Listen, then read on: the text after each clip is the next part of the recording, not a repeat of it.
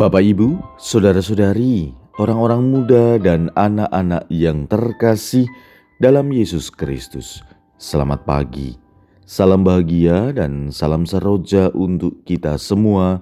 Berkah dalam bersama dengan saya, Romo Antonius Garbito Pamboaji, menyampaikan salam dan berkat Allah yang Maha Kuasa dalam nama Bapa dan Putra dan Roh Kudus. Amin.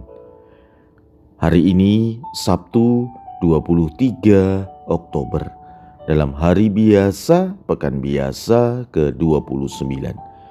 Bacaan pertama dalam liturgi hari ini diambil dari surat Rasul Paulus kepada jemaat di Roma bab 8 ayat 1 sampai dengan 11. Bacaan Injil diambil dari Injil Lukas bab 13 ayat 1 sampai dengan 9.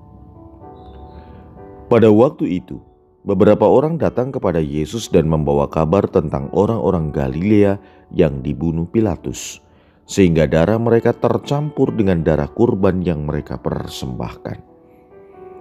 Berkatalah Yesus kepada mereka, "Sang kamu, orang-orang Galilea ini lebih besar dosanya daripada semua orang Galilea yang lain, karena mereka mengalami nasib itu.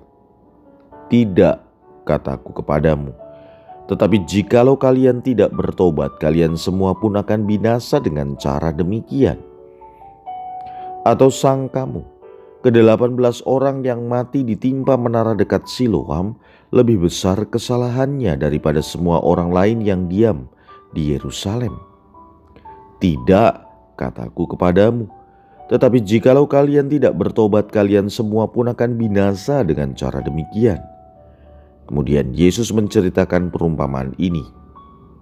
Ada seorang mempunyai pohon ara yang tumbuh di kebun anggurnya.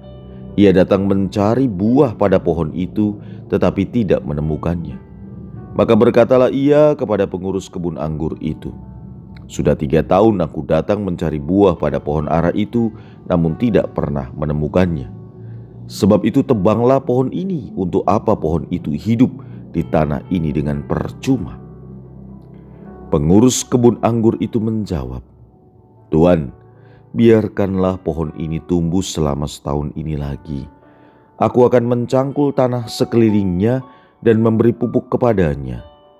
Mungkin tahun depan akan berbuah. Jika tidak, tebanglah." Saudara-saudari yang terkasih, banyak atau sering kali dalam kehidupan kita begitu mudah untuk memberikan penilaian atas hidup orang lain. Dengan cara itu, kita mengatakan bahwa hidup kita lebih baik dari mereka. Cara berpikir seperti itu jelas tidak dikehendaki Tuhan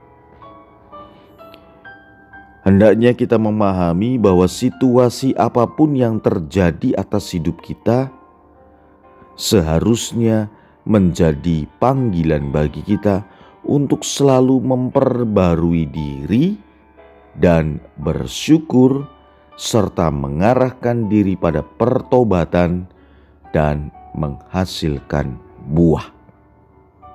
Jadi, empat hal memperbaharui diri dan bersyukur, dan pertobatan serta berbuah. Kita semua memiliki tugas dan tanggung jawab untuk mengembangkan hidup kita sesuai dengan kehendak Tuhan. Bagaimana mungkin itu bisa kita wujudkan kalau kita lebih sering mengurusi hidup orang lain dan menjadikan hidup orang lain ukuran bagi hidup kita. Marilah kita menyadari bahwa satu-satunya pusat dan tujuan hidup kita adalah Tuhan. Dalam Tuhan, kita dapat bertumbuh dalam mengasihi, mengampuni, menghayati kebenaran, sehingga dalam kehidupan ini kita akan menghasilkan buah dan buah itu bisa dinikmati oleh banyak orang. Marilah kita berdoa. Ya Tuhan, kami bersyukur atas hidup kami, atas belas kasih-Mu. Semoga dalam kehidupan kami selanjutnya, kami terus dapat menghasilkan buah cinta kasih-Mu bagi sesama. Berkat Allah yang Maha Kuasa, dalam nama Bapa dan Putra dan Roh Kudus. Amin.